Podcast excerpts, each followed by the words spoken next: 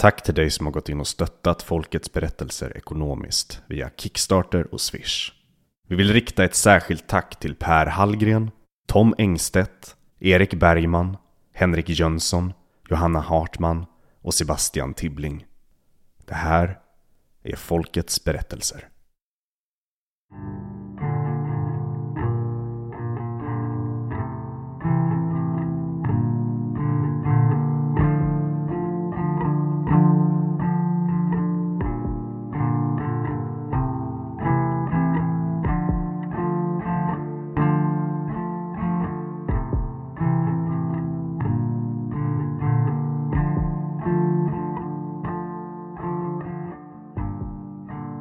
Det var i början av sommaren 2004 som jag kände den i duschen.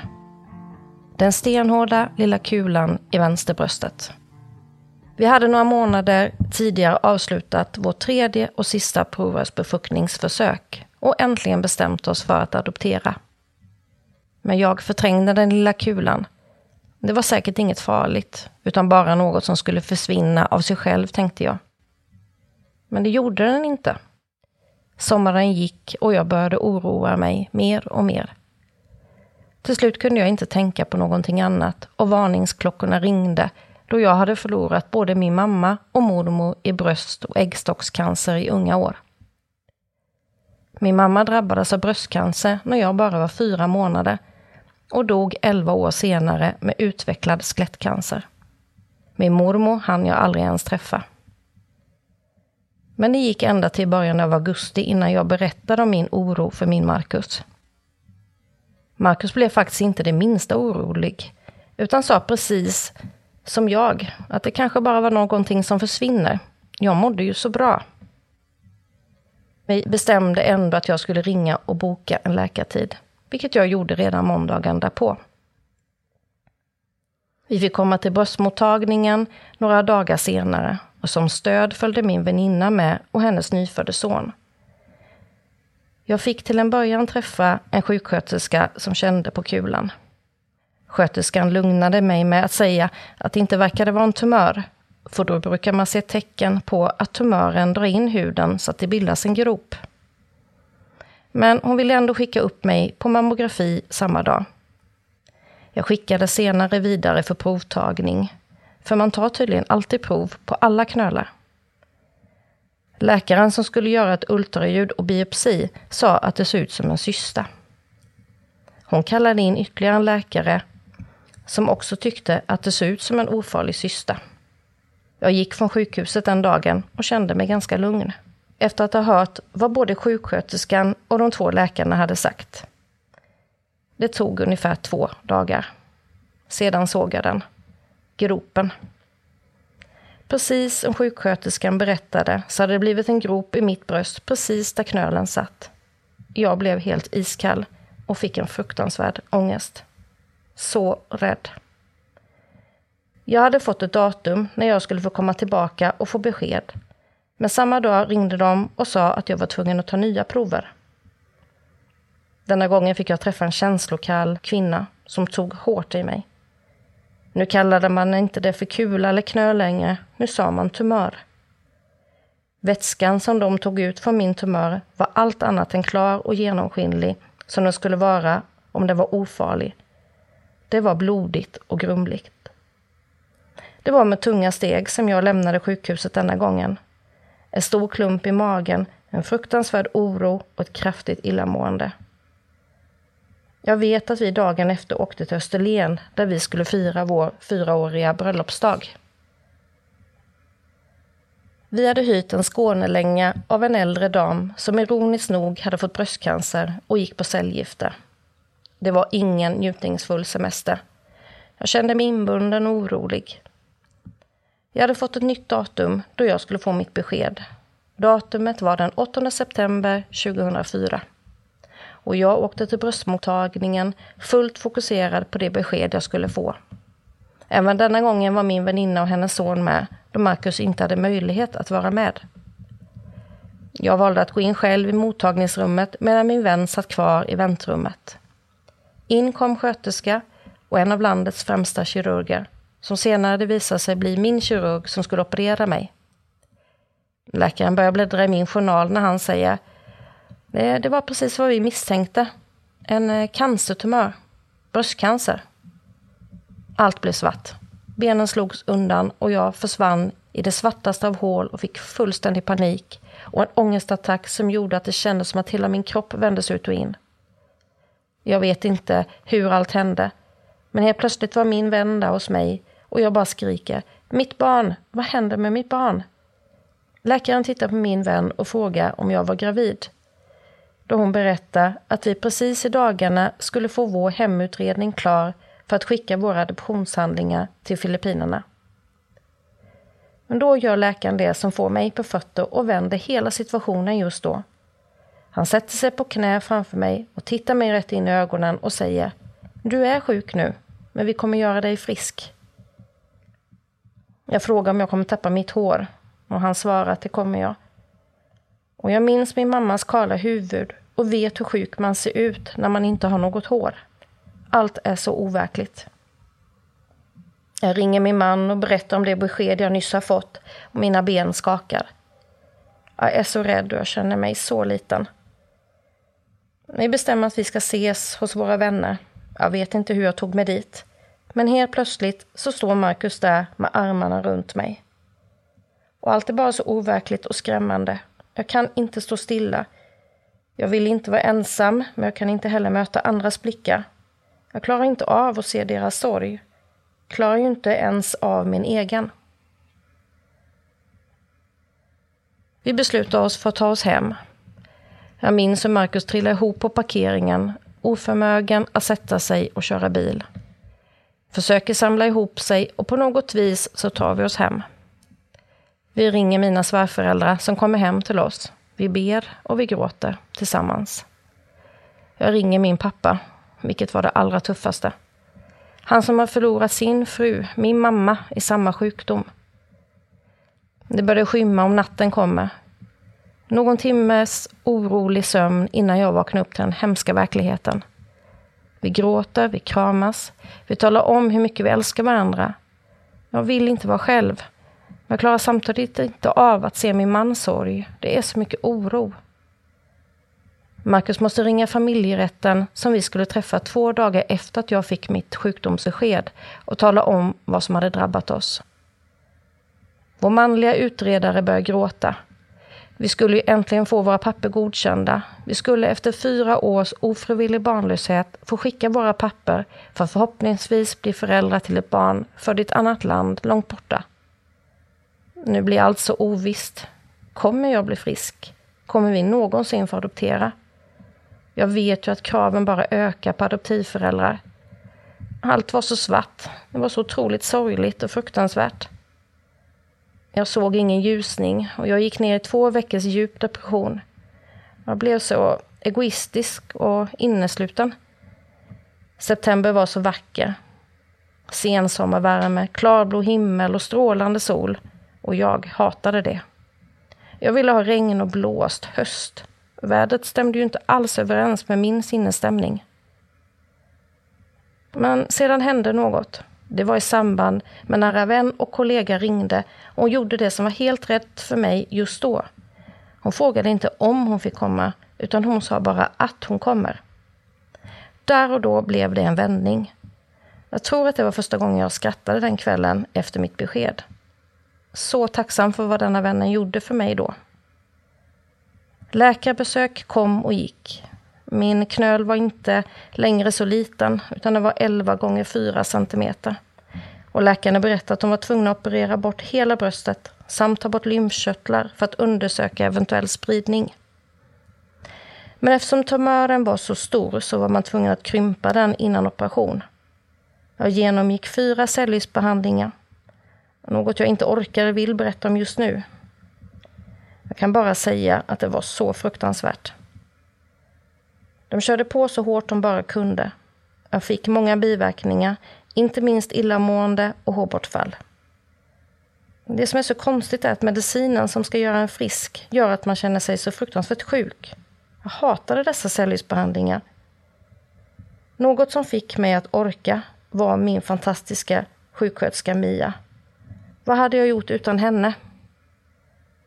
Helt otrolig.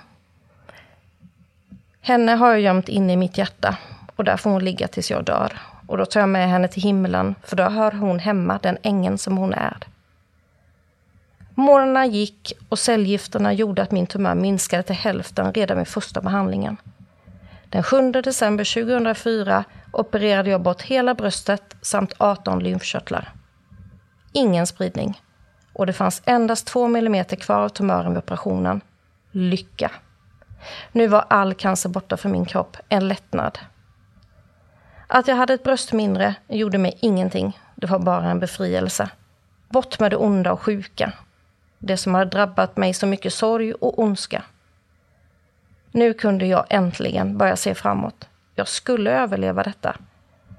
Nu blev allt fokus på att jag skulle klara av de sista tuffa behandlingarna med tre cellgiftsbehandlingar och fem veckors strålning. Sedan den 20 april 2005 så skulle jag vara färdigbehandlad. Nu började jag så sakta våga drömma om framtiden och att förhoppningsvis en gång stå där till slut som mamma. Jag blev liksom hög på livet. Jag fick en sådan livslust. Allt blev så starkt. Jag var så tacksam för att få leva. Jag kunde faktiskt njuta av den våren. Den 20 april 2005 avslutade jag med sista strålning som planerat. Vilken lättnad att gå ut genom sjukhusdörrarna den dagen. Att få andas in våren, att sätta punkt, att börja leva mitt nya liv. Vi firade med det bästa jag vet. En skaldjursbuffé på en fin restaurang. Vi skålade i väl kylt vin och pärlande bubbel. Jag var frisk. Smakade på ordet gång på gång. Frisk? Är jag verkligen frisk? Idag är det den 20 april 2015 och jag har idag varit frisk i tio år. Fattar ni? Tio år. Visst är det häftigt? Idag gör jag och mannen det som vi gjorde för tio år sedan. Vi går ut och firar detta datum med skaldjur på Dångerags värdshus. Det enda som skiljer år mot 2005 att vi var tvungna att skaffa barnvakt åt våra två hjärtebarn denna gången. För idag är jag stolt mamma åt Vince, sex år, född i Vietnam och Lucia, tre år, född i Taiwan. Jag fick besked att jag hade en mutation på en gen och där hade jag en stor risk att drabbas av cancer i bröst och äggstockar. På grund av detta har jag genomgått många operationer och läkarkontroller under åren. Men det är inget som jag kommer berätta om här och nu. Kanske blir det när jag skriver min bok, när jag är pensionär, för så gammal tänker jag bli, minst. Idag ska jag bara njuta.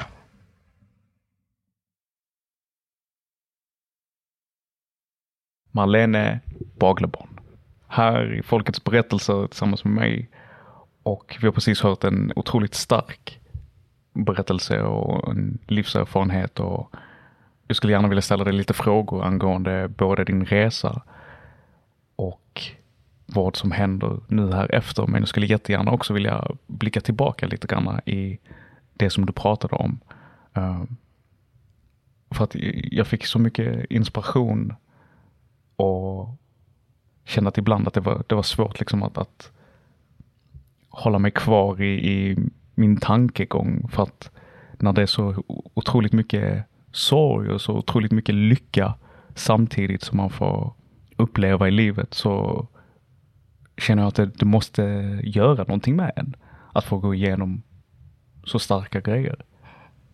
Mm. Vad tänker du om det? Men det låter jättefint tycker jag.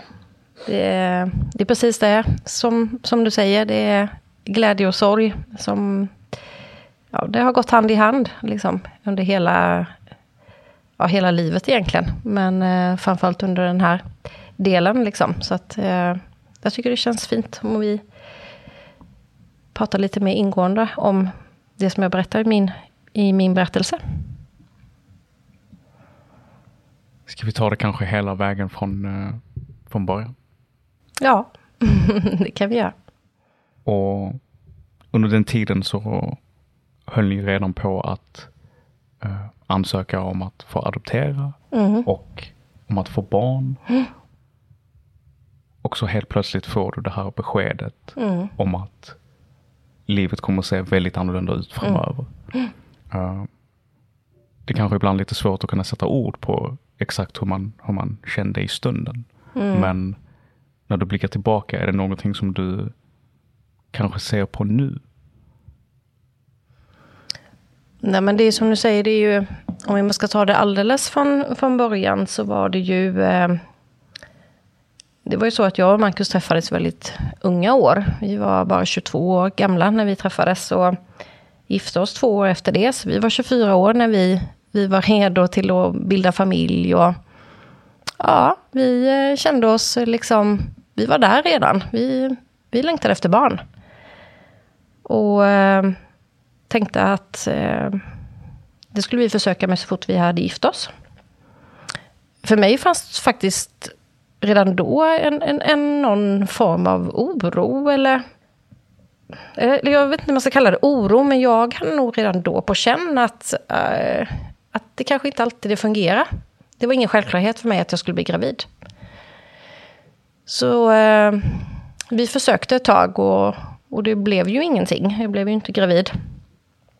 Vi försökte ett år eh, innan vi sökte hjälp för att göra en utredning på varför, det, varför inte vi blev gravida under ett års tid. Och gjorde en privat utredning på Kalanderska i Göteborg. Ehm, och vi gick igenom den och allting såg ju faktiskt väldigt bra ut. Vi, eh, vi var fullt friska. Så vi fick förhoppning om att vi bara försöker lite till så kommer vi lyckas. Det var ju vad vi trodde och hoppades på. Men eh, tiden fortsätter ju och eh, det blir ju ingenting. Eh, så då ställer vi oss i kö till en provrörsbefruktning, också den genom Kalanderska. Där man fick tre stycken provrörsbefruktningar gratis. Så då börjar vi den processen med allt med hormonbehandlingar och ta ut ägg och ja, första gången så, så provade vi, men ja, allting såg bra ut. Mina ägg såg jättebra ut och min mans spermier var också... Så allt, allt såg så bra ut så att det tänkte vi att det här, det här blir nog bra. Men någonting händer, läkarna vet inte riktigt vad som händer för att de här befruktade ägget, liksom, det, det befruktar sig både två, och fyra och kanske till och med åtta gånger, men sen bara förintas det. Det bara försvinner, liksom, så de bestämmer sig för att vi ska göra någonting som heter mikroinjektion. Ehm, där man då tar ut eh, ett, en perfekt spermie och injicerar det direkt i ägget. Men eh, nej, det blir samma, samma sak den gången. Eh, och sedan en gång för vi faktiskt in ett ägg. Vi lyckades, men jag började blöda redan i dag åtta. Så att... ja, men det var en otrolig sorg och det var, det var smärtsamt våra vänner runt omkring oss började bilda familj och många började få barn runt omkring. Så det var, det var en stor sorg att inte, att inte kunna få barn. Eh, och inte veta vad det var det berodde på. Men jag hade liksom redan i smyg lite eh, börjat fundera på adoption. Min man var inte riktigt med mig där just då. Eh, han behövde lite mer tid. Så att jag hade faktiskt i smyg börjat att beställa hem lite material, adoptionsmaterial. Så när vi hade avslutat då den här tredje och sista provrörsbefruktningen, eh, detta var ju då påsken 2004. Och eh, då var jag 28 år gammal. Och eh, då, när vi hade avslutat den så, och läkaren säger vi, vi kan inte hjälpa er, vi vet inte vad, vi kan inte gå vidare genom, ni får nog fundera på ett annat alternativ. Och då säger min man bara, nej men det är klart att vi ska adoptera. Eh, och då var jag ju snabb som ögat, för jag hade ju allt material hemma. Så det var bara upp med allting på, på köksbordet och så satte vi oss in i detta. Och det var en sån lättnad att släppa den biten. Liksom. Ja, men vi får inte biologiska barn, men vi kommer få förhoppningsvis barn på ett annat, på ett annat sätt. Så då började vi den processen och det är en ganska eh, komplicerad och eh, administrativ eh, del liksom, som man får, får jobba med och tillsammans med handläggare på familjerätten och så.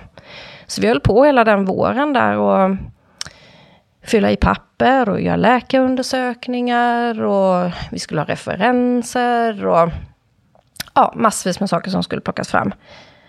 Men det var bara glädjefyllt, det var så spännande. Och eh, vi började kika på länder, eh, vilka länder skulle vara möjligt för oss. Vi var ju fortfarande unga och, och så. Eh, alla länder har olika krav på föräldrar eller på adoptivföräldrar. Eh, men vi platsade in, vi kunde i princip välja ganska fritt. Eh, men då föll vi på Filippinerna, tyckte att det kändes spännande. Så då tänkte vi att vi försöker från Filippinerna. Och, eh, men sen var det ju där då, den här juni månad, precis när allting var klart, allting var inskickat alltså till familjerätten. Så att de skulle liksom bara sammanställa allting. Det var ju då jag började känna den här, ja jag kallar ju det kulan då. Det var som en liten stenhård puttekula som jag kände i duschen. Och det blev jag ju väldigt orolig såklart. Eller, men jag, jag försökte ju trycka bort de känslorna och liksom jag tänkte att det, det, är något som försvinner. Det kan ju vara så att jag har fått i mig massa hormoner och så. Det, ibland kan man ha knölar i brösten. Så det försvinner nog. Men som jag berättar min, i, i min berättelse så, så gör det ju inte det. Utan eh, det fick ju en annan vändning. Och när vi ringer till våra handläggare då och säger då, alltså jag får mitt sjukdomsbesked den 8 september. Och 10 september skulle allting vara klart och vi skulle skicka till Filippinerna. Och det var ja, vår handläggare började faktiskt gråta. Det var, det var väldigt sorgligt. Och jag vet inte, just där så var det liksom att eh, den sorgen var nästan större att hantera. Att vi kanske inte skulle få barn. För det, vi hade kämpat så otroligt länge och vi var så nära. Så eh, den sorgen var svårare att hantera än att jag faktiskt hade fått ett cancerbesked. Konstigt nog, men så var det. Mm. Um, men vi fick ju bara lägga det åt sidan. Och uh, fick ju liksom, måste göra den här behandlingen. Jag fick ju min behandlingsplan klar ganska snabbt. Jag hade åtta månaders behandling framför mig. Och efter de här två, tre veckorna jag hade gått in i en depression och jag faktiskt hade börjat få kraft och ork så var jag så, aldrig varit så målinriktad och målmedveten att det här skulle jag bara det här skulle jag fixa. Jag var, hade bara så bestämt mig. Eh, och eftersom behandlingarna gick så pass bra och så jag fick ju bara sån eh, livsglädje och sån livslust. Men när vi var färdiga då med min behandling så, så säger ju våra handläggare att eh, det finns inget land för er som det är nu. Filippinerna då, de säger att du ska vara frisk i tio år innan, eh, innan ni får söka dit. Och då, det var ju ett slag då. Ehm, jag tänker liksom, då hade vi ju kämpat i ja, fem år, var vi ju uppe på då, där vi hade kämpat på olika sätt. Och så tänkte vi att jag kan ju inte vänta tio år till. Det, jag, eh, jag går sönder. Eh, pratade med min eh, behandlande läkare. Som säger att eh, din form av tumör, alltså han säger att det finns lika mycket tumörer eller många olika tumörer som det finns människor. Eh, det, det, fungerar så olika på olika människor, men just den här typen som jag hade, hade jag, fick jag inget återfall inom två år, så kunde han skriva ett, eh, ett intyg. Inte ett friskhetsintyg kan man inte skriva, för att som han sa, man kan aldrig sätta en friskhetsstämpel på någon. Men han kunde skriva att om jag inte fått något återfall inom två år så är risken väldigt liten att jag får tillbaka just den tumören där. Så okej, okay, då får vi vänta två år till att få ett sånt papper i alla fall då. Ehm. Jag gjorde täta kontroller eh, de här två åren. Det var ultraljud på båda brösten. Eller man ska säga att jag hade ju ett bröst kvar, för det andra var ju bort, bortopererat. Men man tittade ju ändå såklart i ärrvävnad och så, om det fanns eh, något nytt som hade kommit, eller om det hade kommit någonting nytt i det andra bröstet, eller, eller något, om det hade kommit något överhuvudtaget i det andra bröstet. Vi gick på täta kontroller. Sista kontrollen innan det hade gått två år.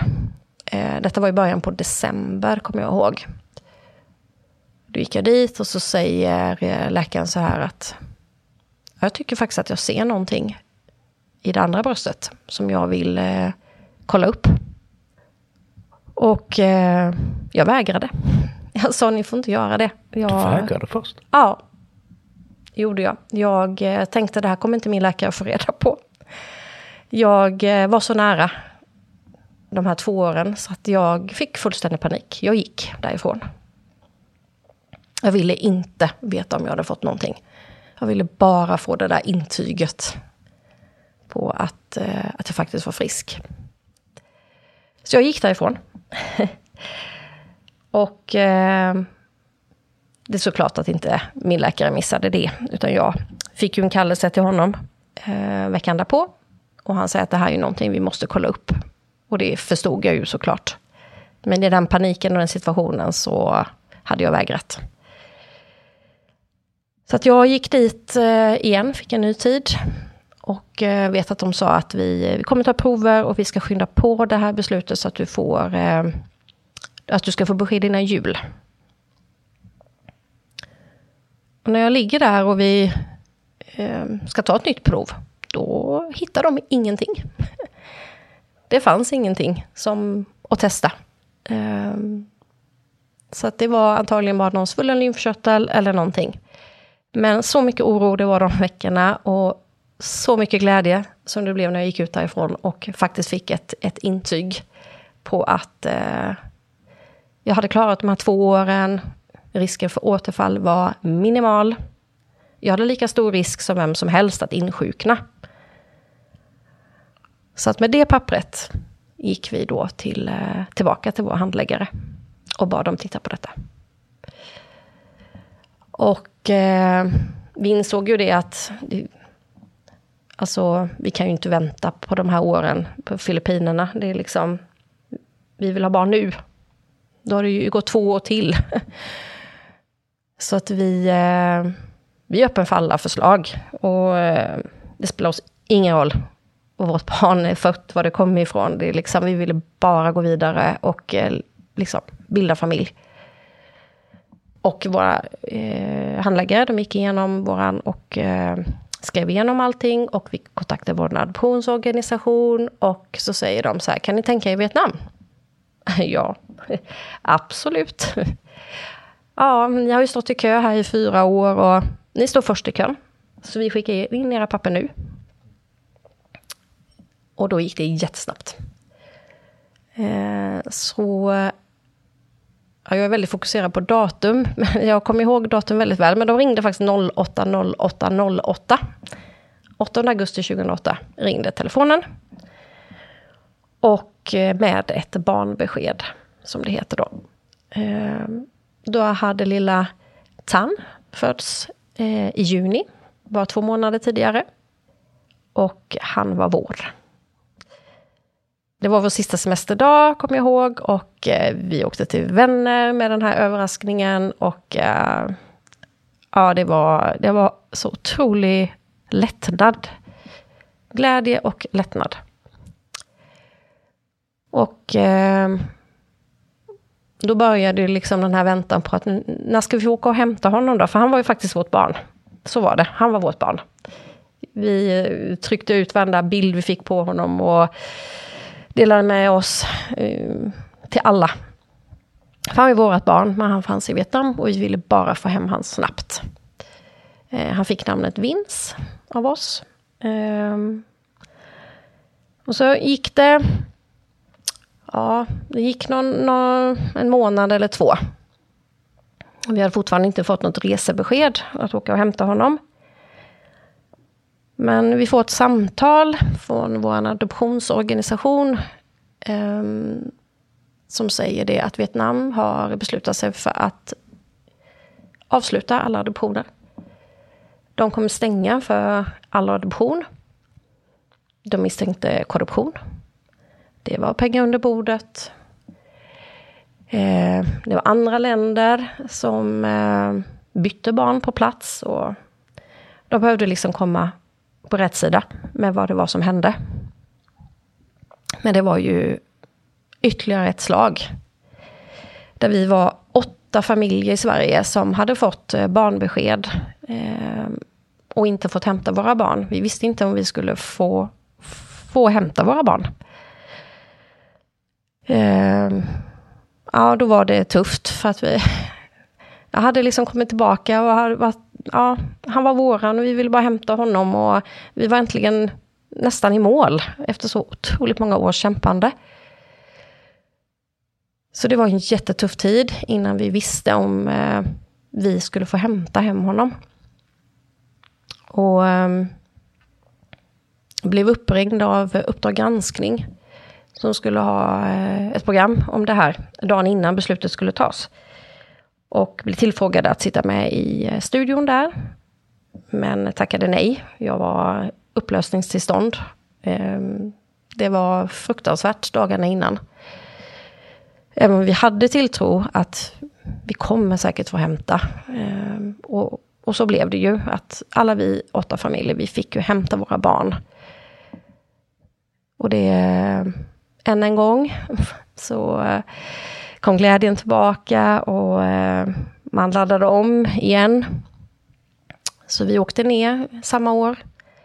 Och den eh, 17 december precis en månad innan julafton så fick vi våran son i vår famn. Så det var ju en fantastisk julklapp. Vi hade ju väntat då i ja, åtta, över åtta år liksom, på den stunden. Så eh, några veckor var vi i Vietnam och lärde känna honom. Innan vi eh, sedan flög hem. Men det konstiga är ju att jag trodde ju att jag var så förberedd. Jag hade ju längtat så länge efter att få bli just mamma.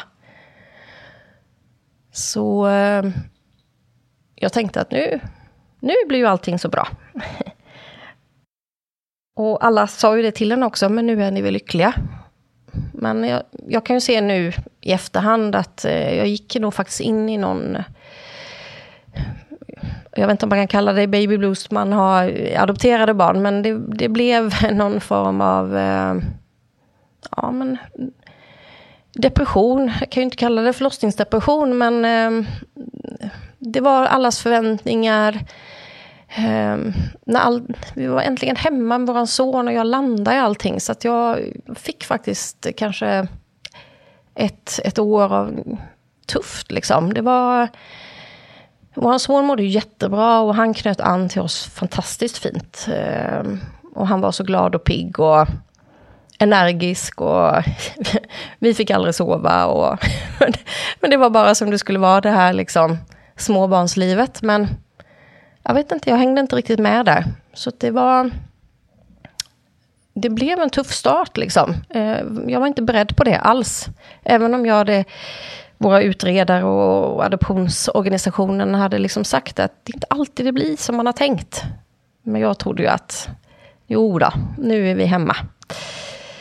Nu, det är ju det här jag längtat efter. Men det, det, det, blev, det blev eh, några tuffa månader. Mm, som jag faktiskt aldrig egentligen tog hjälp heller. Utan det, det, det liksom smög sig fram och det, jag lärde känna min son mer och mer. Och det tog tid att liksom, liksom landa i den rollen. Att vi faktiskt hade klarat av att bli en familj. Och det som jag inte har gått in på heller då och, och det som också tillstötte liksom någonstans mellan allt det här var ju att min man började liksom må, må dåligt också. Ehm, strax efter att jag var färdigbehandlad och så, så började han få en massa eh, skumma symptom som vi inte visste vad det, vad det var. Ehm, så han började faktiskt utredas. Ehm, de, de tittade till och med efter hjärntumör, liksom, för att det var, det var så mycket symptom som stämde in på det också. Så det var en, en, vi har haft en jätteoro eh, för honom. När jag äntligen var frisk så gick han in i det här. Liksom, och det, det satte sig psykiskt och det satte sig även fysiskt i hans kropp. Så det tog faktiskt eh, ett bra tag innan eh, vi förstod att det var nog en, eh, ett sätt för hans kropp att reagera på allting som vi har gått igenom. Så hans kropp eh, fick de här symptomen liksom, av, en, eh, av den pressen och den stressen som vi hade gått igenom. Och den jobbar han bitvis med fortfarande idag faktiskt. Eh, även om han har fått en, en bättre behandling och bättre medicinering för det. Som fungerar. Eh, så var det också en, en, en tuff resa eh, som han har fått jobba med. Så att vi hade det att kämpa med också då när vi kom hem med vår son. Så att det, det var inte bara den där rosenskimrande och att klacka ner i taket och, och när jag tänkte att nu, nu, nu börjar livet liksom. Det, det, tog, det tog ett tag innan vi landade. Och eh, kände oss eh, som, som familj och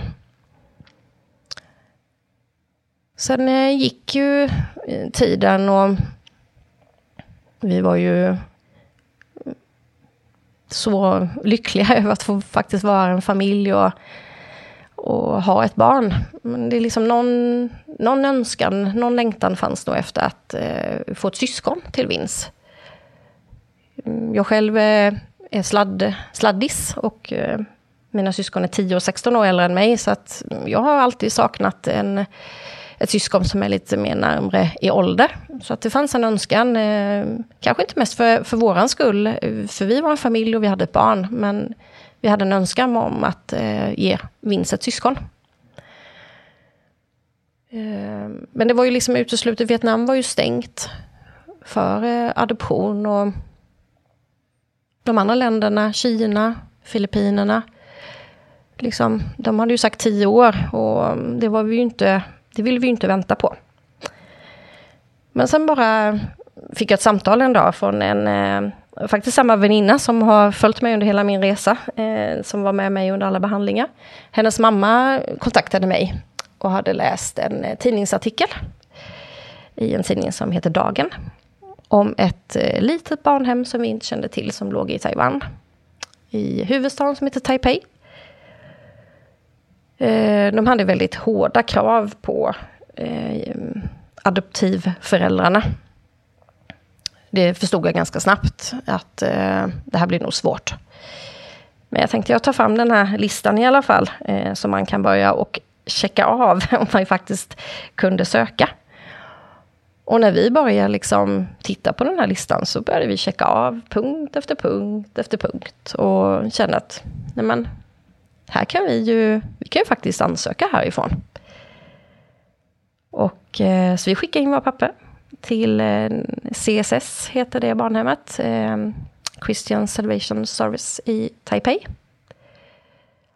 Och eh, skicka in papperna och det går ganska fort faktiskt. Så att eh, den 13 december 2011 på Lucia-dagen så ringer eh, våran eh, utredare eller våran kontakt och säger att vi, jag har ett barnbesked till er.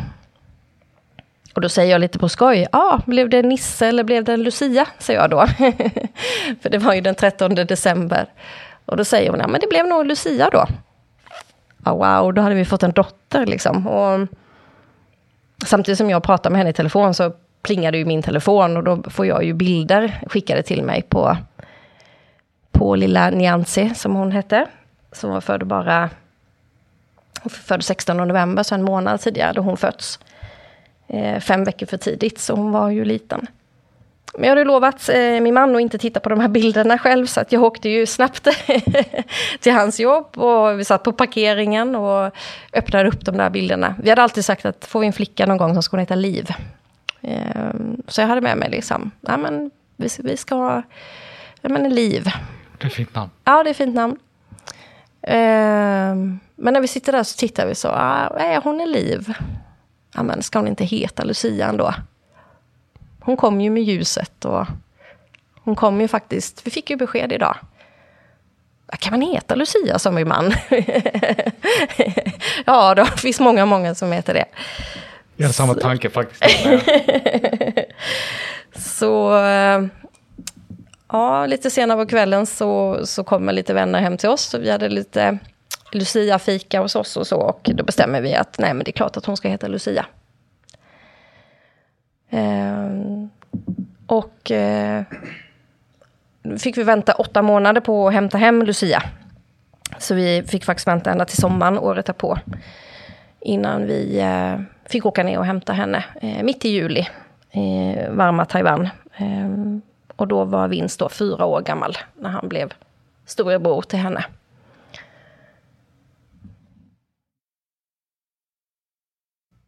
Det här med att äntligen bli föräldrar och äntligen kunna blicka framåt mot ett nytt kapitel är ju också otroligt ja, viktigt under en, en sån här process. Och, uh, där man både får tid att läka och både får tid att få lite perspektiv på det man har upplevt. Senare fortsätter ju dagarna. Och du sa någonting också väldigt, väldigt starkt innan om det här med att du, eh, när ni väl fick det första liksom cancerbeskedet så samlades ni några stycken och, och bad och grät och um, just det här med vad jag undrar över är just den här kopplingen mellan amen, tro och upplevelse. Vad, mm. vad, vad, bad ni om då och mm. vad ber du om nu? Mm. Jo, men jag, både jag och min man, vi har, vi har en tro. Um, och den har varit, liksom, den har varit viktig hela, hela vår resa. Att uh, finna den, den trösten i, i den tron vi har. Och delar ju den med mina svärföräldrar som var de som kom hem till oss den här, det här tillfället som du pratade om. Att, eh, och det är också sådär att ibland så bara, man, man finner inga, inga egna ord utan jag minns att det var min svärfar som liksom eh, liksom satte sig i, hos oss och, och, och knäppte sina händer och bara fick be om den. Att man bara får lämna över allting och um, att man behöver liksom hjälp och stöttning och orkat liksom klara sig igenom det här och få känna att man eh, kan lämna över mycket eh, och finna och få tillbaka liksom mycket kraft. Och, så den, den har varit viktig den eh, i, i hela, hela resan. Um, jag kan inte säga idag att jag liksom är någon aktiv i någon församling eller så. Um, vi är inte där just nu i vårt liv, men uh, jag har alltid med mig min tro. Den, den har varit viktig under stora delar i hela mitt liv egentligen. Um, och framförallt det här att känna den gemenskapen och um, att det finns liksom någonstans att bara mm, släppa allting till. Liksom. Att eh, ibland bara svämmar det över. Det, det gör för ont liksom. Men att kunna få utlopp och få eh, liksom eh, kunna släppa allt och få tillbaka den kraften som jag upplever att det gör den, den, har varit, den har varit viktig och den, den kommer nog alltid vara viktig för mig. Och, och längtan också att, att finna den gemenskapen kanske inom församling längre fram också. Men eh, där är vi inte som det är just nu. Men eh, absolut är, är vår tro viktig för oss och eh, den, den, lever med, den finns med mig dagligen, absolut. Någonting annat som jag reagerade på, som du pratade om tidigare också, var just det här med eh, ja, men stöd egentligen. Och det är ju stöd från ens tro, från ens vänner. Men du nämnde även någon vid namnet Mia. Som ja. eh, även var vid din sida, som du, du mm. ansåg var där mm. för dig under väldigt tuffa omständigheter. Mm. Ja, ja, jag ska säga alla inom sjukvården, det är vilka änglar. Alltså när man väl drabbas av någonting eh, så här pass svårt, eh, mm, liksom, eh, så är sjukvården är fantastisk i Sverige. Eh, Mia var ju min eh, sjuksköterska som jag mötte tidigt då i den här processen. Och ja, Eh, vi har ju fortfarande lite kontakt, Mia och jag. Och eh, det Mia gjorde för mig och det hon bland annat gjorde var ju att hon satte ihop mig med en annan tjej som eh, gick igenom precis samma behandling som jag. Hon var... Eh, eh hon heter Sanna och eh, hon var året yngre än mig. Alltså hon var 27 år och jag var ju 28, så vi var ju, vi var ju unga båda två.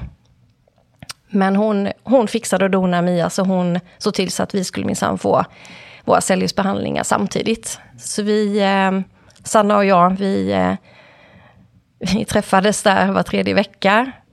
Köpte världens största smågos, smågodispåse. Åt godis och eh, tog oss igenom de här tuffa dagarna. Och Mia, hon bara, nej men hon var fantastisk. Vi pratade med henne mm, om allt. Så att, eh, väldigt lite sjukdom, men eh, allt från, eh, jag har fortfarande att jag bakar Mias goda bröd. Jag har recept på och ja, prata om livet och det var, även om behandlingen var så tuff så såg jag alltid fram emot att träffa Mia. Tyvärr så gick det inte så bra för Sanna. Um, det, liksom, det, var, det, var, det var lite tufft för mig också att hantera för att behandlingarna eh, tog ju, jag svarade ju otroligt bra på, på, på ehm, cellgiftsbehandlingarna. Man hittade ju rätt direkt. Eh, och, eh, men tyvärr gjorde man inte det för Sanna. Så att eh, ja, Sanna hann precis fylla 30 innan hon gick bort. Eh, så vi var på, på hennes begravning och det, nej men det var tufft och jag kände, jag, vet, jag kände någon skuld också. Det var svårt att hantera liksom. Att, eh, där stod jag och jag var ju frisk då. Och så var vi på hennes begravning och mötte hennes man och hennes mamma och mormor. Och, ja, men det var så fel liksom, att det skulle gå så. Och vi hade ju verkligen kämpat där tillsammans. Men eh, jag vill också liksom verkligen poängtera det att jag blev sjuk 2004 och behandlingen som jag fick då, den såg ut som den gjorde då, men jag vet att det finns helt andra typer av behandling idag. Man jobbar ju, det finns ju immunterapi idag vet jag och det, det fanns ju inte när jag blev sjuk 2004. Så den formen av behandling jag gick igenom, den, den var ju, så såg den ut då, men jag vet att den inte gör det idag. Så idag finns ju ännu bättre resurser och bättre möjligheter och bättre behandlingar. Eh, min mamma, när hon insjuknade 1976, när jag föddes, eh, då fanns det ju inte ens eh, cellgifter. Utan man, man strålade ju henne då. Och strålade ju sönder hennes, man strålade sönder hennes lungor faktiskt. Man kunde inte bestämma hur, liksom, hur djupt man skulle stråla.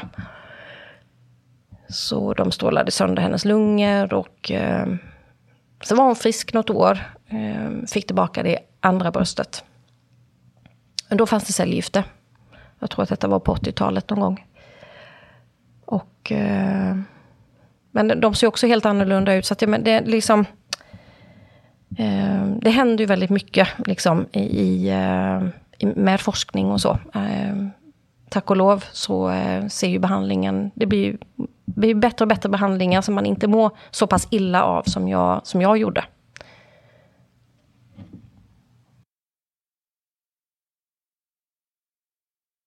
Och hur skulle du säga till exempel att du, att du hanterar alla dina känslor efter allt vad, vad du har varit med om och, och fortsätter vara med om? Ja, under åren så har jag gått på jag har gått på mycket mm, terapisamtal. Um, och det har liksom varit, ja, det har varit ett sätt att, att, gå vidare och bearbeta saker, absolut. Och, um, det har varit viktigt för mig. Vi har inte gått som, som par, jag och eh, min man, men jag har gått själv och pratat mycket och så. Men eh, det har, det har liksom det har varit en, en viktig del. Eh, sen så träffade jag eh, en tjej som är både fotograf och eh, terapeut.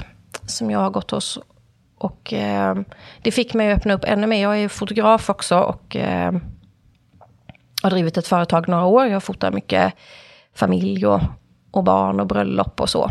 Men började liksom mer och mer gå mot fotokonst och eh, även börja skriva mer och mer. För det har också varit en uttrycksform för mig att, att skriva mycket. Och jag har alltid fotat mycket. Men det där har nog liksom, ju mer och mer tiden har gått, jag har gått på mycket terapi, jag har gått på mycket behandlingar, samtalsterapi och så, så, så det har liksom blivit ett sätt för mig att, eh, att, att bearbeta mina känslor. Det är faktiskt att få fotografera och få diktsätta mina verk. Så det har varit mitt, eh, ja, men mitt utlopp, liksom min, det som helar mig, det är väl faktiskt att få, få skapa i form av eh, bild och text.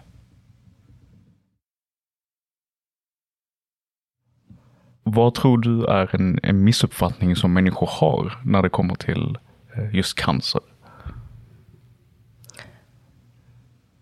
Men, cancer är ju ett, det är ju ett laddat ord. Absolut. Så eh, när man nämner cancer, folk ryggar ju alltid liksom att det är... Eh, alltså att... Eh, många tänker ju liksom att, eh, att, livet blir... Skulle jag få en cancerdiagnos tänker många, alltså livet är slut. Liksom, hur skulle jag orka? Jag kommer dö. Liksom. Eh, det är klart att sådana tankar kommer, liksom, så är det. Men eh, det jag vill liksom känna är att... Och, och, det jag mycket, mycket fick höra när jag var sjuk, det var ju liksom att hur orkar du? Um, när vi hade gått igenom så mycket, hur orkar du? Ja, men vad hade man för val? Det var ju bara att fortsätta. Alltså, alternativet är ju att lägga sig ner och dö. Och det vill jag ju inte. Men eh, det är klart att det fanns dagar när man eh, mår jättedåligt och man låg med täcket över huvudet och, och grät och spydde en hel dag. Eh, absolut fanns det sådana dagar. Men det fanns också dagar när jag mådde jättebra och eh, då levde jag som vanligt. Jag jobbade och eh, träffade vänner och gjorde det jag mådde bra av. Men det är så viktigt att liksom att cancer är inte lika med död. Det är inte det. Eh, och man kan få ett fantastiskt liv. Och det är, på många sätt låter det nog klyschigt att, eh, att man nästan kan få ett bättre liv. Men det, jag upplever faktiskt det, att eh, jag har på många sätt fått ett bättre liv. Jag hade inte varit där jag är idag om inte jag hade gått igenom allt, allt som jag har gjort. Ehm, att jag fick de barnen som jag har, det är klart att det är mina barn. Herregud, tänk om inte de hade kommit hit. Ehm, allt som man går igenom formar ju en och det är ju därför jag är här där jag är idag. Så jag på många sätt tacksam för att fått gå igenom det man har gjort. Eh, därmed inte sagt att det var en tuff resa, för det är det. Men eh, det är laddat. Cancer är ett, fortfarande ett laddat ord, även om man... Eh, jag har vänner som jobbar inom sjukvården, de är cancerpatienter och jag vet ju också genom, genom mina vänner liksom att det går verkligen åt rätt håll. Så är det. Det är, det är nära en lösning nu alltså. Det är, det är fantastiskt att vi får vara med om, om den här tiden. För att det händer mycket inom, eh, inom den behandlingen. Jo, jag hade ju en, eh, en mutation på en gen eh, som gav mig ärftlig cancer. Och eh, den forskningen, den... Eh, vad jag vet var den, eh, den var helt ny när jag blev sjuk, eh, 2004. Att man hade hittat den här mutationen på den genen då som heter BRCA. Och det finns BRCA1 och det finns BRCA2. Och eh, det visade sig att jag hade en mutation på den som heter BRCA1 Eh, och den ger ärftlighet i, som bröstcancer. Jag tror att man pratar uppåt 60-80 procents risk att insjukna. Och då gör man det oftast i 30-årsåldern. Eh, jag var ju 28 när jag blev sjuk. Ehm, och jag tänker lite grann att jag hade fått i mig så mycket hormoner i samband med eh, provrörsbefruktning och så. Så att eh, det hade kanske triggat det lite. Jag tänker också, inte att någon läkare har sagt det, men att jag tänker lite att det kanske därför inte det fungerade provrörsbefruktningen. Att jag hade min sjukdom i kroppen. Eh, redan då när vi höll på med vår provrörsbefruktning, att det kanske stötte bort det här. Liksom, eh, för att sjukdomen fanns i min kropp redan. Det, det är min teori. Eh, men man tog i alla fall, jag var med i eh, en forskningsstudie eh, eftersom man misstänkte att jag hade den här mutationen och man tog ett blodprov enkelt och eh, det visade ju sig då att så var det ju att jag hade den mutationen. Mina syskon har också eh, provat eh, och tagit blodprov, men ingen av dem har, eh, har ärvt den mutationen. Man hade 50 risk att ärva mutationen, som troligtvis min mor, både mormor och mamma har haft då. Eh, och jag har ju nu adopterade barn, så att det är ju liksom nu för ju inte vi vidare den på vår sida i alla fall. Men det som också ger då, eh, Eh, när man har just på den eh, bracka 1 eh, som jag hade, så ger det också en ärftlighet i äggstockar och livmoder. Och då pratar man om någonting upp till 40% risk att insjukna. Eh, och det gör man oftast i 40-årsåldern. Och eh, då bestämde man sig för att eh, ta bort, operera bort. Eh, jag fick ju frågan om, om jag ville operera bort äggstockar och livmoder och det fanns ju liksom... Det var ju självklart för mig. Jag skulle ju ändå inte ha biologiska barn och den biten. Så att det var absolut, jag ville ju operera bort så fort det gick egentligen. Men man ska också vänta då, för man går ju också in i klimakteriet direkt när man opererar bort både äggstockar och livmoder. Då.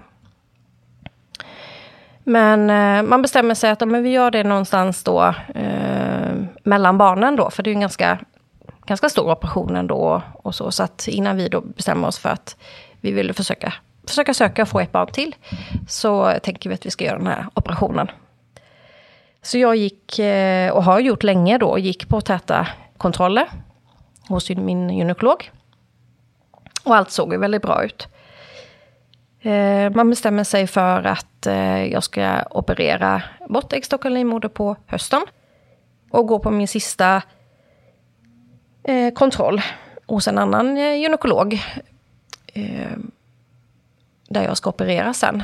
Och eh, han sitter och eh, berättar om eh, vad som händer med kroppen om det är så att man blir sjuk och i vikten av att faktiskt operera bort det här. Så att, för att det är en svår cancer om det drabbar äggstockar livmoder, för ofta är det, den är svår att upptäcka. Det hinner gå ganska långt innan man förstår att man är sjuk.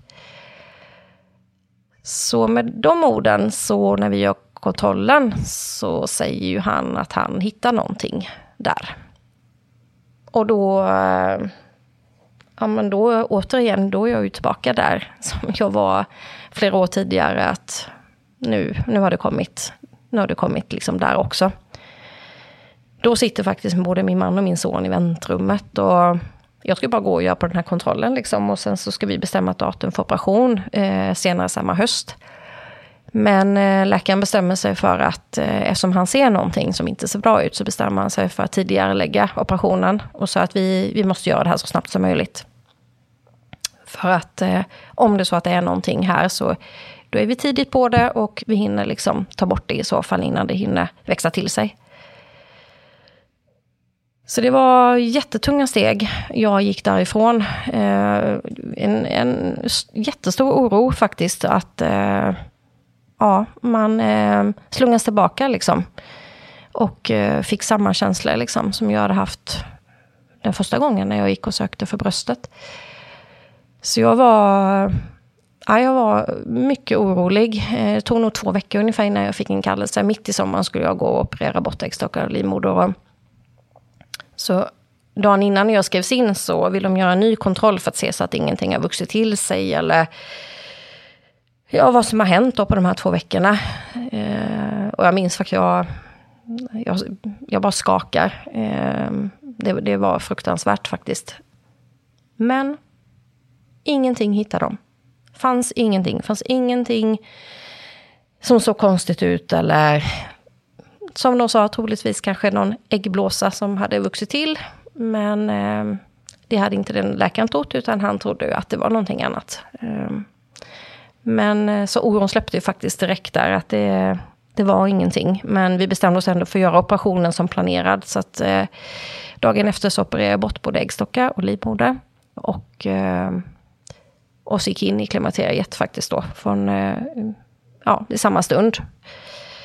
Um, och, eh, men det kändes skönt liksom att eh, nu, nu har jag liksom kopplat bort all den här oron. Jag har tagit också bort det andra bröstet i förebyggande syfte. Eh, nu fanns liksom ingen oro att det skulle sätta sig någon, någon annanstans. Ehm, och det som jag också är tacksam för under de här åren då, det var ju så pass tidigt, det var ju 2004 när jag insjuknade, det fanns ju faktiskt inte Google. Och ehm, jag har inte, liksom, inte ens idag googlat eh, min, min typ av cancer som jag fick. Jag är tacksam för att jag inte har gjort det. Ehm, jag tror att det är bra på många sätt att, att hålla sig borta från det. Eh, för det här har liksom varit min resa, min väg. Ehm, det är... Ja, att inte liksom spä på någonting som är, läsa någonting eller se någonting som, som gör att eh, det spär på min oro. Liksom. Det, det var bra. Man ville bara höra de där solskenshistorierna och möta människor som det faktiskt hade gått bra för. Eh, det var det jag behövde då. Så jag är tacksam för att, jag, att, att man inte googlade, att man inte läste på, på nätet på samma sätt som man gör idag. Hur ser du på framtiden? För min egen del. Vi kan börja där. ja. ja, men den ser ljus ut. eh, jag eh, känner ju liksom att jag har börjat hitta, eh, hitta mig själv. Jag börjar närma mig då 50. Jag skulle säga att just att min mamma gick bort när jag var 11 år. Hon var ju alltså, hon var 47 år när hon eh, gick bort. Och jag var 11 år. Och eh, det är precis där jag står nu. Jag är 47 år, min dotter är 11 år. Hon fyller 12 här snart. Och det reflekterar jag ju mycket över såklart. Att, eh, tänk om man inte skulle få finnas med och, och liksom få dela och få vara med henne och min son i livet. Liksom. Men eh, det kommer jag vara, det är jag övertygad om. Och jag längtar alltid längtat så mycket efter att få umgås med mina barn som vuxna. Jag tror att det har mycket med en... Det har en stor saknad och en sorg över att inte ha en mamma. Så är det. Ehm, framförallt nu i vuxen ålder. Så det har varit en, ehm, det har varit en stor sorg. Så att jag längtar efter att att jag förhoppningsvis ska få ha den relationen till mina barn. Och kanske den, en dag att man får barnbarn. Men jag har också en längtan efter att få jobba mer med människor i sorg. Och där har jag också kanske börjat landa lite att... Ja, vi, vi skojar lite grann när vi har en bucketlist hemma. För, och det är också någonting som jag har skrivit sen jag blev sjuk. För det finns mycket som man vill göra i livet och det som sagt, jag gillar att skriva. Så det blir att jag, jag skriver upp saker. Och eh, en sak som jag har på min bucketlist är att eh, jag skulle vilja jobba som eh, begravningsentreprenör en dag. Och eh, jag dras mycket till, eh, eller dras, men jag, jag räds inte för att möta människor i sorg.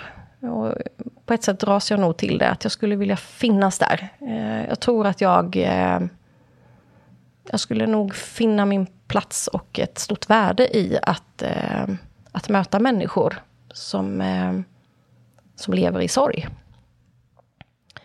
Så att jag ser mycket positivt på framtiden. Eh, det gör jag verkligen. Jag ser fram emot att få följa mina barn och eh, ännu mer få utveckla mitt fotograferande, eh, mitt skrivande och eh, att liksom att få, få möta människor. Liksom. Jag, jag älskar att möta människor, jag ska prata med människor och eh,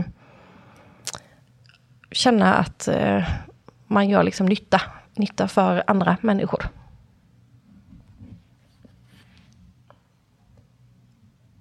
Nästa fråga som jag hade eh, kretsar faktiskt kring varför varför det är viktigt för dig att dela med dig just av den här berättelsen? Jo, men det är väl som jag sa där tidigare, liksom att eh, även fast man är ung, man är 28 år, man drabbas av eh, mm, Alltså, det var ju två sorger såklart. Det var ju både en barnlöshet och eh, ett så pass eh, allvarligt sjukdomsbesked. Så, eh, så är det just det här att, att man kan få ett fantastiskt liv. Eh, det är på något sätt inte synd om mig.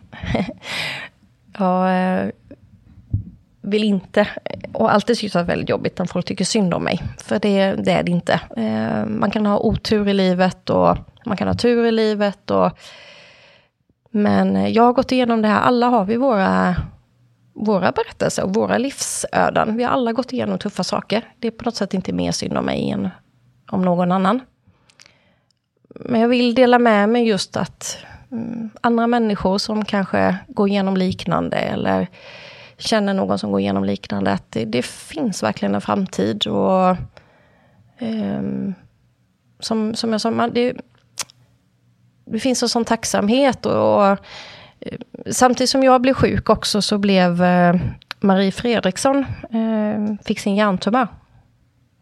Och eh, jag lyssnade på en, eh, det spelas in en dokumentär med henne precis när jag blev sjuk. Och då, då säger Marie sådär att eh, jag upplever allting dubbelt så mycket. Och eh, det hon menade och, och det jag verkligen håller med om är att man upplever allting dubbelt så starkt. Att allting blev, allt som är bra, allting som är härligt, glatt, roligt, allting blev dubbelt av det. Det var så fantastiskt, både då och nu. Att man liksom upplever allting dubbelt så starkt. Men också den andra sidan, saker som jobbigt, påfrestande, negativa besked kan också bli dubbelt så jobbigt att hantera för att man var så nedsatt just då. Men jag känner igen mig mycket i det och det är klart att tiden går och nu, nu är det ju ett, ja det är väl 17 år sedan jag hade min diagnos nu, så det är klart att nu kan jag också gnälla över en liten förkylning eller... och det får man lov att göra liksom. Eh, för att det är ju livet liksom. Det är, eh, och på det något sätt skönt också att eh, även om jag liksom har med mig min cancer, alltså min, min kropp har tydliga spår efter den, så, så lever ju inte jag i den eh, liksom, världen hela tiden. Det gör jag inte, även om jag blir påmind om den. Så den, den lever sida vid sida av mig, men eh, jag är inte min cancer.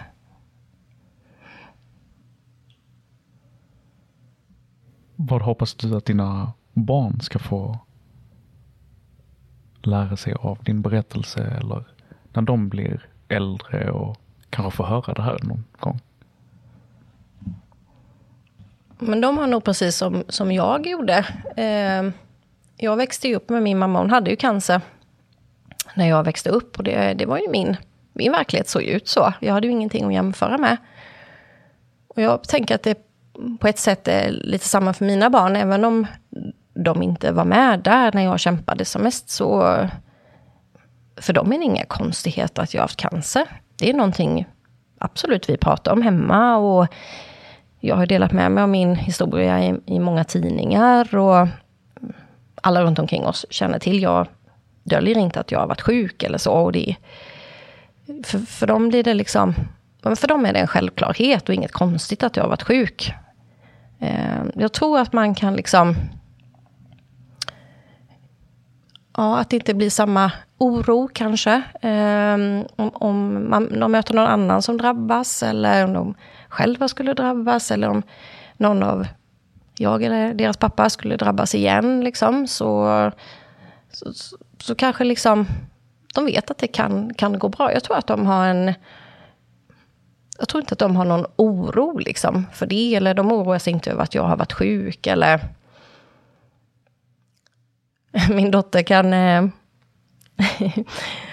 ja, lite roligt för att jag, jag har ju opererat bort, jag har gjort ganska många operationer eftersom det visade sig att jag hade en mutation på en gen som heter BRCA-genen. Så att, eh, jag har tagit bort mitt andra bröst i förebyggande syfte. Och därmed också tagit bort mina bröstvårtor.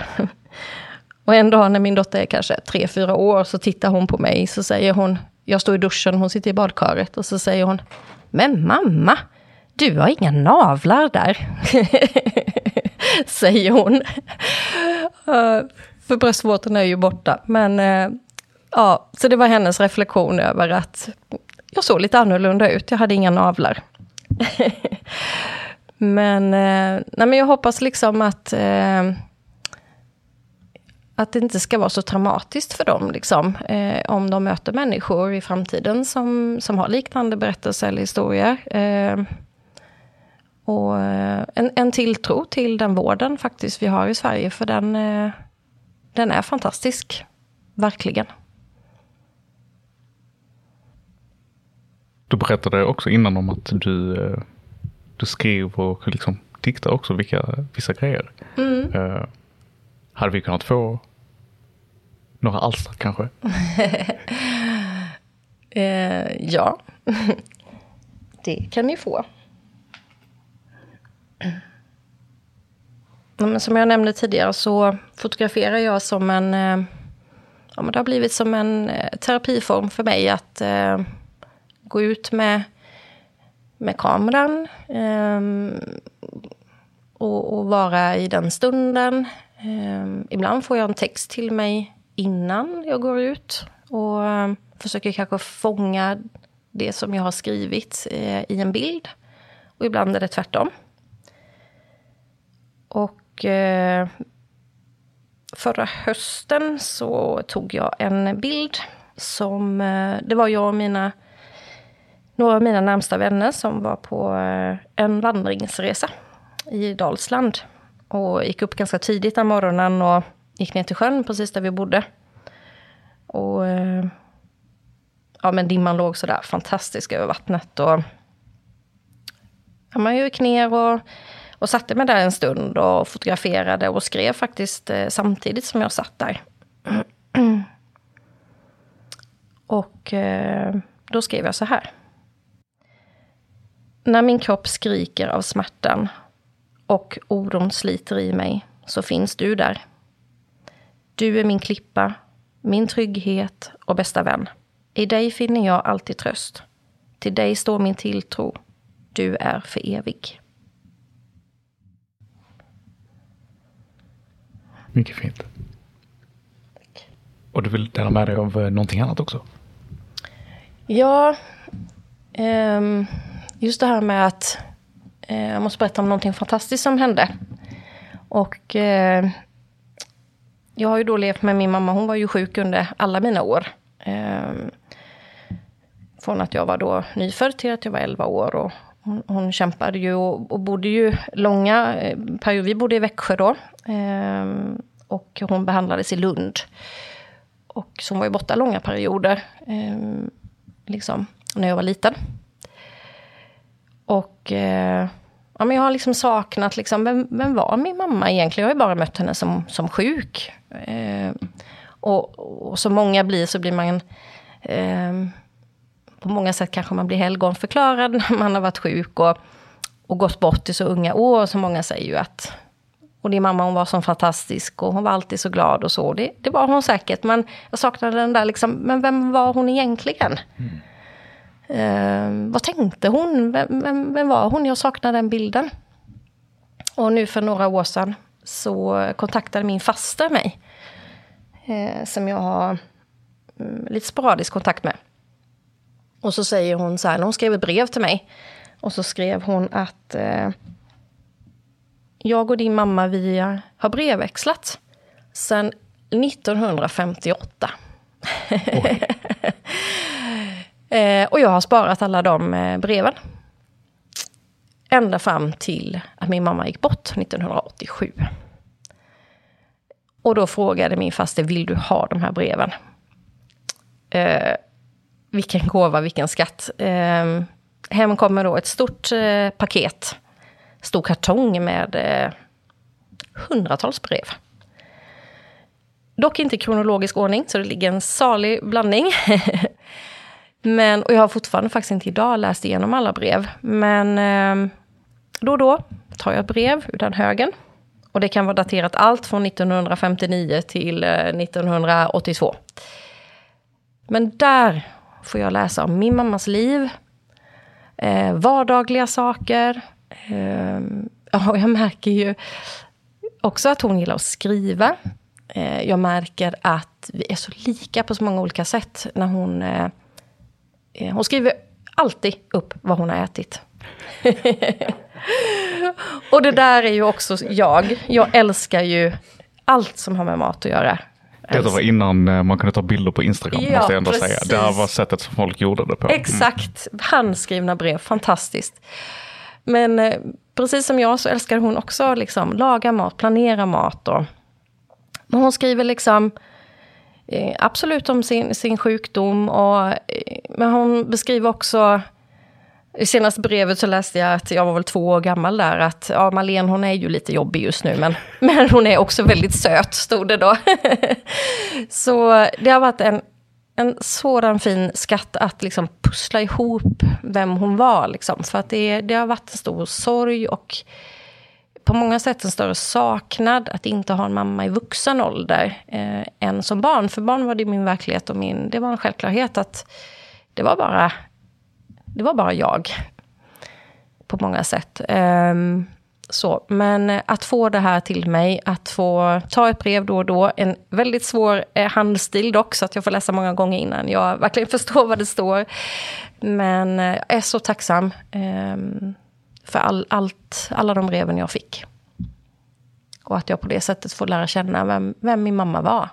Och att jag också märker att jag, jag är väldigt lik henne. Och det glädjer mig. Det där är jättevackert. Jag, jag hoppas att du, du läser många brev till. Ja. um, jag har faktiskt inga fler frågor. Nej. Jag, först vill jag bara tacka dig för, för en sån berättelse och jag hoppas alla som lyssnar på det här också är eh, minst lika tankefyllda och inspirerade och mm, kanske bara det. Tack så mycket.